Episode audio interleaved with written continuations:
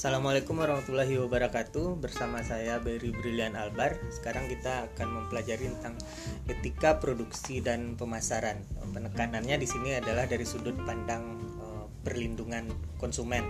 Oke? Uh, Definisi umumnya konsumen itu adalah orang atau siapa pun yang membeli atau menggunakan barang atau jasa yang diciptakan oleh si produsen. Jadi kalau mau dihitung semua manusia adalah konsumen. Uh, sebelum kita dilahirkan kita sudah jadi konsumen di kandungan orang tua kita kita udah jadi konsumen. Uh, lalu dilahirkan lalu kita jadi konsumen walaupun dipilihkan tetapi kita mengkonsumsi lalu ketika dewasa mungkin ada beberapa keputusan pembelian yang kita putuskan sendiri lalu kita konsumsi uh, sendiri Nah, di sini ada beberapa permasalahan uh, yang umum uh, kita alami sebagai konsumen. Jadi, dalam kehidupan sehari-hari itu kita bertemu dan mengkonsumsi berbagai macam produk, baik itu barang atau jasa.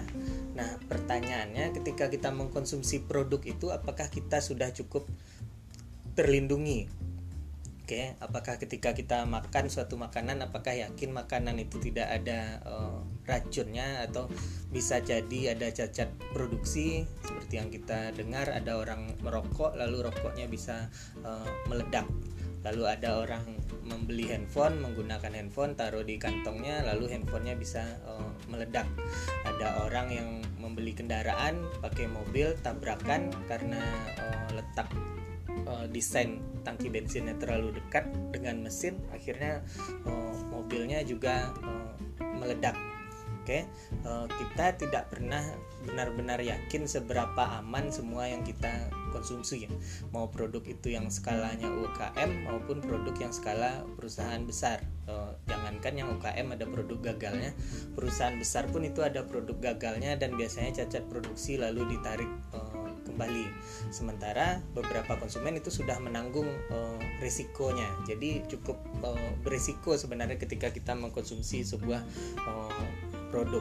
Sebagai catatan saja uh, di Amerika Serikat itu hampir lebih dari 100.000 orang yang tewas uh, setiap tahunnya karena produk konsumsi jadi ada sekitar 20 juta orang itu menderita luka-luka, lalu 100 ribu di antaranya itu tewas karena uh, kecelakaan dengan produk-produk yang dia konsumsi. Jadi angkanya, uh, angka kematiannya itu cukup besar. Oke, jangankan produk yang berisiko misalnya seperti uh, rokok misalnya itu mungkin bisa membunuh orang sampai 400 ribu atau lebih setiap tahunnya. Dan angka itu lebih besar daripada kematian yang disebabkan oleh penyakit-penyakit lainnya. Jadi lebih banyak orang yang meninggal gara-gara uh, mengkonsumsi produk belum lagi ketika orang mengkonsumsi produk-produk yang dapat meningkatkan uh, kolesterol, junk food misalnya dan lain-lain. Itu lebih tinggi lagi angkanya, angka yang kena serangan jantung dan lain-lain. Jadi angka kematian karena produk jika ditelaah itu sebenarnya bisa lebih tinggi daripada angka yang disebabkan oleh faktor-faktor uh, lainnya. Oke, ada banyak kasus mulai dari rokok, uh, lalu alkohol, lalu yang misalnya zat zat-zat kimia yang kita gunakan untuk tumbuhan, misalnya pestisida, herbisida yang kita semprotkan ke tanaman, ke rumput kita, lalu kita lewat nyangkut di kaki, nyangkut di pakaian, masuk ke dalam rumah, lalu terhirup oleh anggota keluarga, anak, istri dan lain-lainnya, itu juga uh, berisiko. Seperti di Amerika dikatakan gara-gara uh, cairan kimia untuk rumput itu banyak anggota keluarga yang uh, keracunan. Jadi lumayan tinggi angkanya. Lalu contoh lain adalah uh, pemantik api misalnya. Uh, oke okay, korek korek deretan nah itu yang terkenal itu perusahaannya misalnya Big misalnya. Nah beberapa uh, keretannya itu ada yang uh, beresiko juga. Jadi kalau keretan ini banyak dampaknya bisa disalahgunakan oleh eh, anak-anak uh, atau bisa jadi dia meledak, terbakar uh, dan lain-lain dan bisa jadi memang terjadi uh, catat cacat produksi. Jadi secara umum kita sebagai konsumen sebenarnya kalau dihitung risikonya lumayan uh, besar. Jadi produk produksi itu akan melibatkan berbagai masalah bagi konsumen.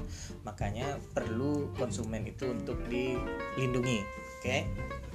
Dari kondisi itu dapat disimpulkan beberapa hal. Uh, pertama adalah konsumen itu kita sebagai konsumen sulit untuk menilai produk karena ya wajar saja bukan kita yang memproduksinya. Jadi kita mungkin bisa unboxing atau review produknya, tapi kita nggak pernah benar-benar tahu apa komponen produknya karena bukan kita yang buat. Jadi kemampuan kita itu uh, untuk menilai produk itu sebenarnya cukup lemah. Sedangkan kemampuan produsen itu tinggi karena dia yang bikin, dia tahu apa yang dia uh, jual. Karena itu kita sulit menilai.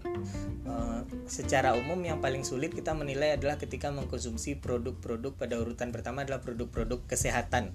Karena ya emang kita bukan dokter misalnya dan tidak punya ilmu medis jadi kita akan sulit men menilai mulai dari jasa dokter jasa operasi rumah sakit obat yang dijual itu kita sulit menilai. Itu di, hal yang berhubungan dengan medikal itu hal pertama yang sangat jauh dari pemahaman kita. Di urutan kedua adalah hal-hal yang berhubungan dengan uh, teknologi. Jadi kita nggak tahu pasti apa komponen-komponennya karena kita bukan orang uh, teknik juga.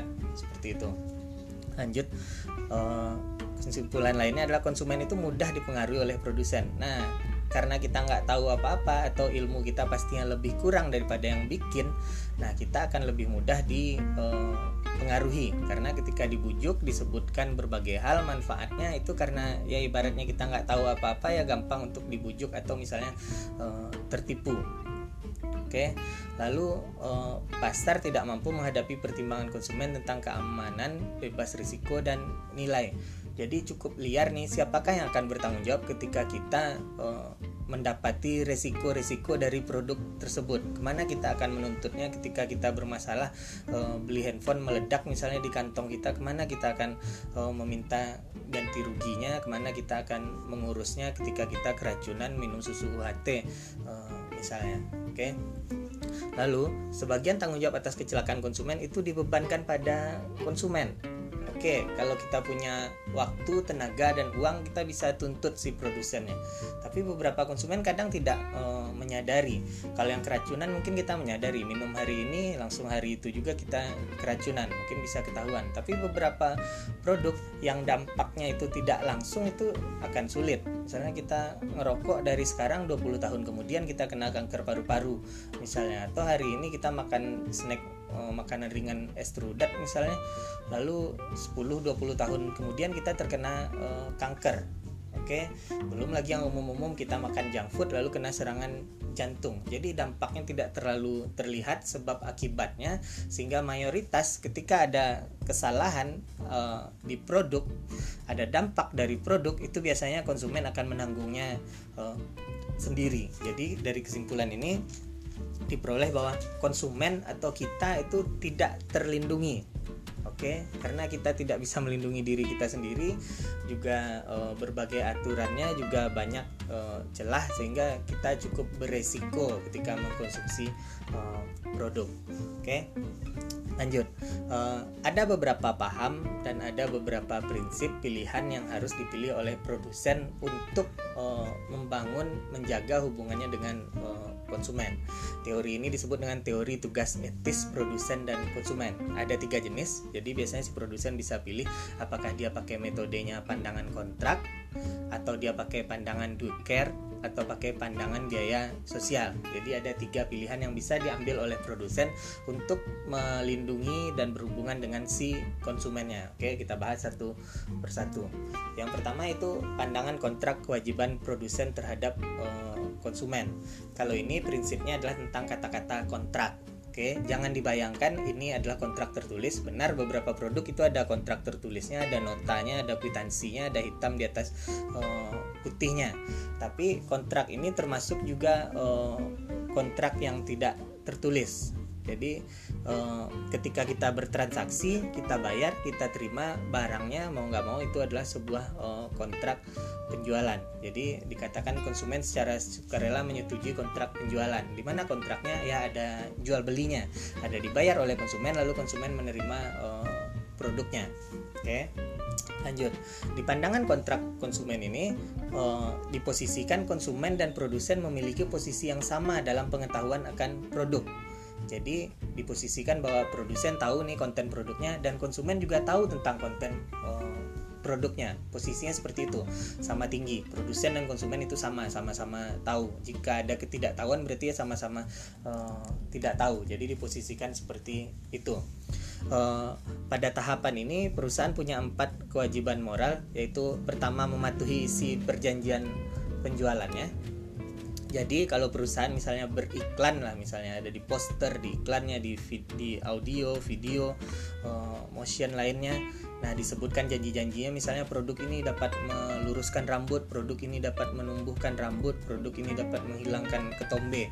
Nah semua janji-janji yang disebutkan oleh perusahaan itu iklannya itu harus dipenuhi. Itu kontrak yang pertama. Karena ketika kita beli kan kita beli janjinya kita setuju membeli produk itu kan karena dijanjikan produk ini bisa A B C seperti itu. Jadi yang pertama perusahaan wajib menepati janjinya uh, tersebut. Oke? Okay? lanjut. Uh, selanjutnya uh, juga di sini dijelaskan bahwa uh, perusahaan harus menjelaskan tentang uh, keandalan produknya, uh, tentang pemeliharaannya, jaminan, keamanan, risikonya, semuanya harus dijelaskan oleh perusahaan. Lalu perusahaan juga punya kewajiban untuk mengungkapkan uh, ingredient atau unsur-unsur komponen produknya.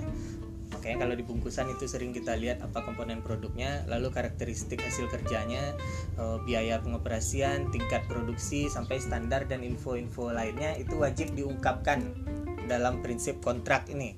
Diungkapkannya di mana? Mungkin bukan di kertas kontrak bisa jadi di kertas kontrak atau di bungkus produknya di packagingnya itu sudah dijelaskan uh, semuanya.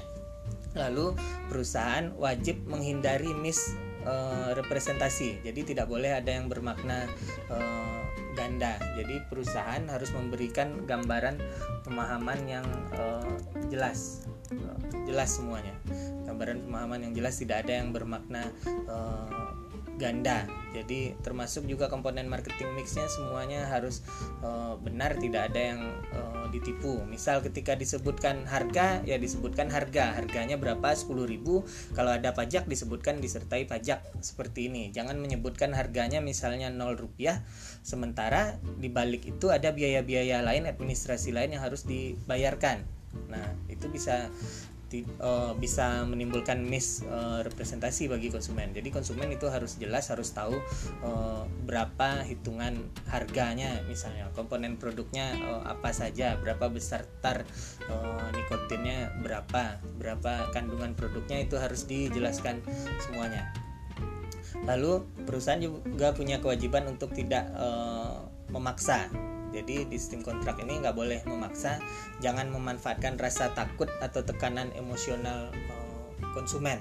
Jadi jangan misalnya kondisi sedang darurat virus misalnya orang membutuhkan uh, masker lalu ada produsen yang misalnya jualan dengan menakut-nakuti konsumen dengan mengatakan ya Anda harus beli produk saya kalau nggak beli produk saya Anda akan mati. Uh, misalnya itu memanfaatkan rasa takut dan tekanan emosional di pada konsumen. Itu tidak uh, boleh uh, bisa juga yang emosional misalnya menyinggung masalah uh, hal yang memalukan misalnya uh, jika anda tidak mengkonsumsi produk ini maka kulit anda akan gelap dan anda akan dijauhi dari jodoh misalnya. Nah kan ada iklan yang seperti itu. Ada dua anak kembar misalnya yang ini nggak disukai oleh laki-laki karena lebih gelap uh, kulitnya. Nah itu kan ada memanfaatkan rasa takut dan tekanan uh, emosional belum lagi masalah berat badan bagi wanita misalnya kalau berat badannya ya kesannya akan dijauhi oleh pria misalnya ternyata itu iklan uh, uh, pelangsing misalnya.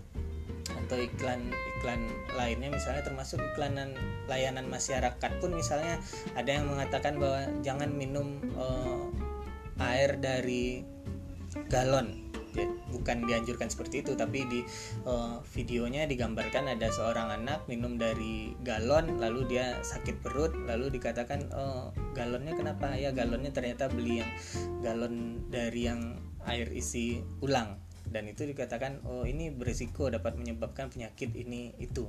Uh, kebayang dong uh, apa maksud iklan layanan masyarakatnya yang jualan air isi ulang itu banyak di seluruh Indonesia dan itu sudah dapat izin semuanya udah dapat legalitas usahanya sudah sah uh, secara aturan dan juga tidak membahayakan. Tapi ada iklan yang yang menakut-nakuti kalau itu berbahaya. Ya nggak jauh tujuannya ya nyuruh beli kita untuk beli uh, galon tertentu seperti itu. Jadi tidak boleh memanfaatkan rasa takut atau emosional si uh, konsumen. Lalu tidak boleh juga memanfaatkan ketidaktahuan ketidakdewasaan ke uh, tidak mampuan secara intelijensi dan faktor lain yang menyebabkan konsumen itu tidak bebas memilih produk. Jadi dipengaruhi. Kadang dibodoh-bodohi karena dia tidak tahu lalu uh, dipermainkan. Nah itu tidak uh, boleh juga oke itu dia kewajiban yang harus diterapkan oleh produsen di dalam sistem uh, kontrak ini. Uh, apa kelemahan sistem kontrak ini?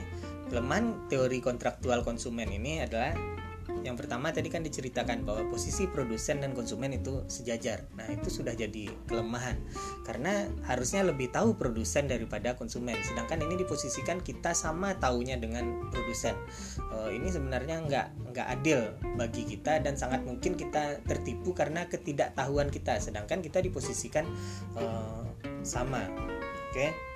sehingga akhirnya memungkinkan produsen untuk bebas dari tanggung jawabnya karena dia diposisikannya uh, sama Oke, hal lainnya adalah kemungkinan konsumen nggak sempat membaca. Jadi kan banyak tulisannya. Oke, produsen kan udah menepati janjinya dengan dia menyebutkan semuanya.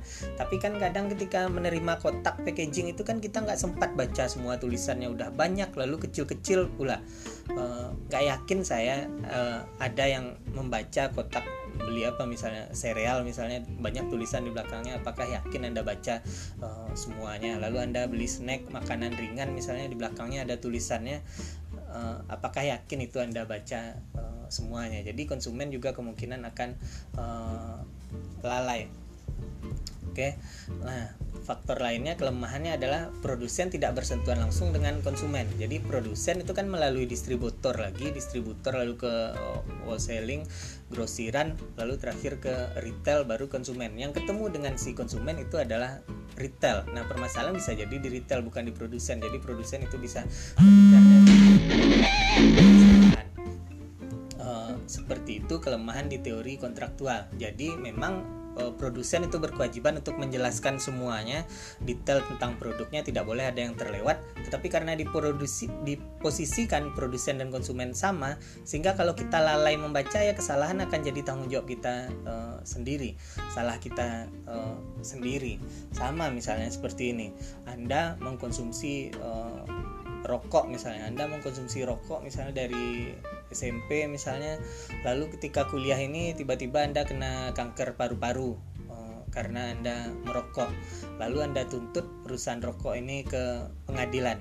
Nah di pengadilan perusahaan rokok yang Anda tuntut itu kan dia tinggal ngomong aja lah memang Anda nggak pernah baca yang di kontraknya?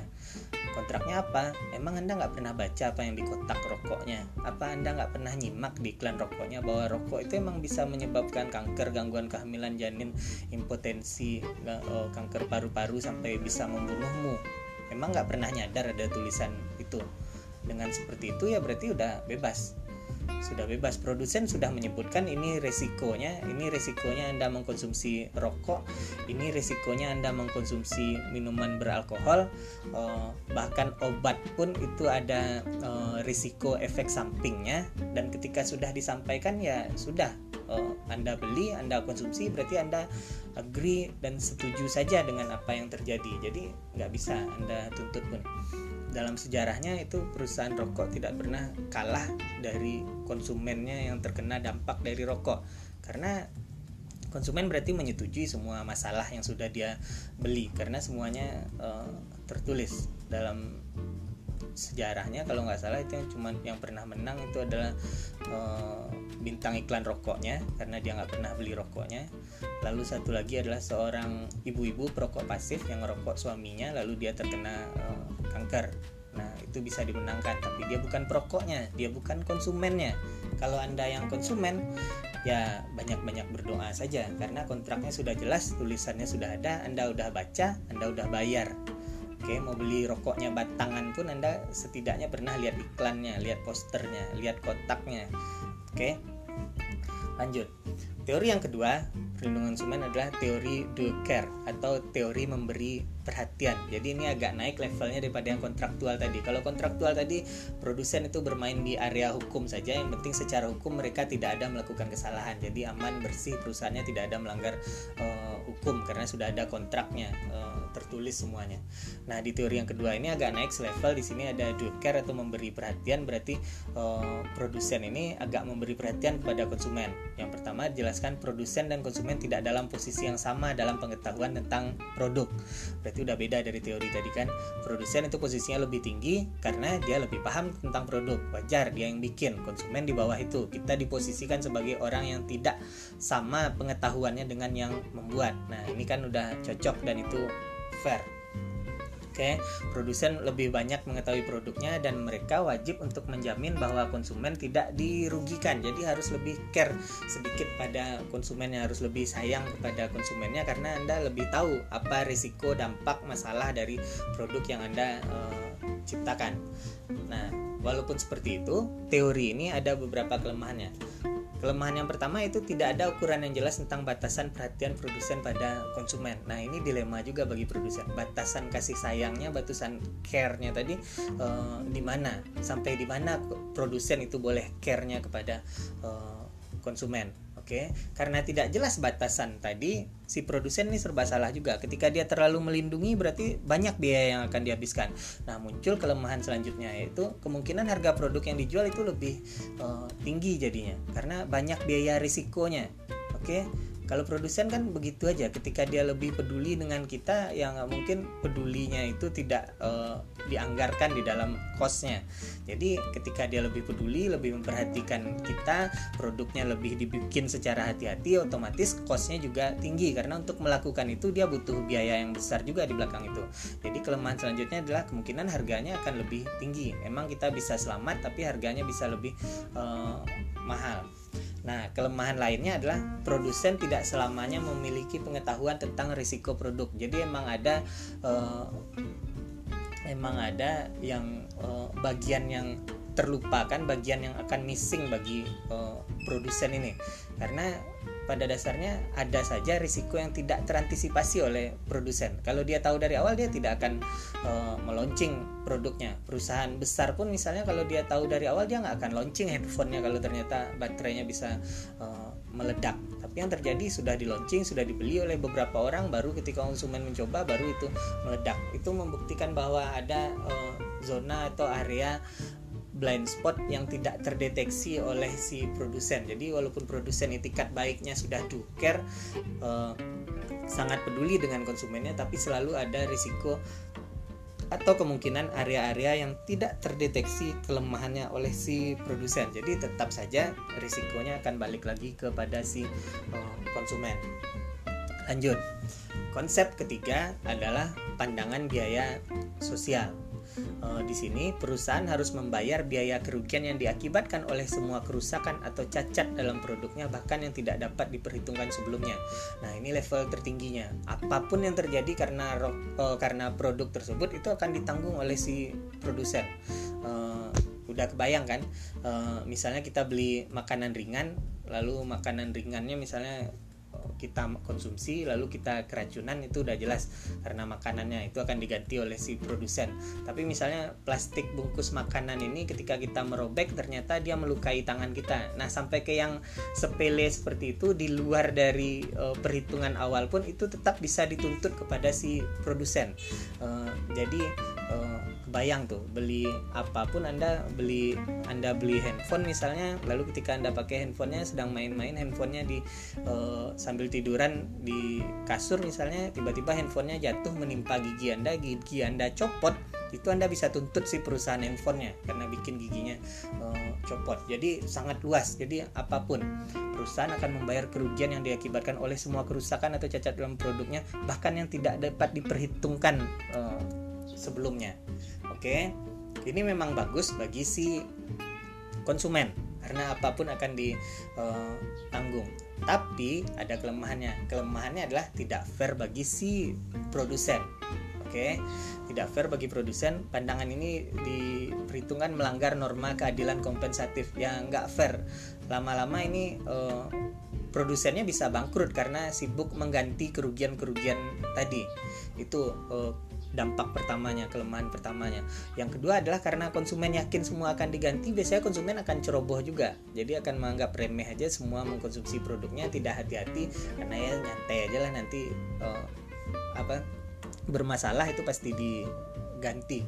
Nah, jadi itu dampak buruknya bagi si produsen itu tidak uh, fair karena dia harus kompensasi apa pun bagi si konsumen pun jadi teraja uh, jadi uh, terpengaruh dalam mengkonsumsinya tidak hati-hati uh, dan akhirnya akan membahayakan diri uh, sendiri. Konsumen harus memahami uh, tidak semua risiko itu bisa diselesaikan dengan ganti rugi kalau risikonya adalah nyawa anda mau diganti rugi juga nggak bisa menghidupkan uh, yang udah mati.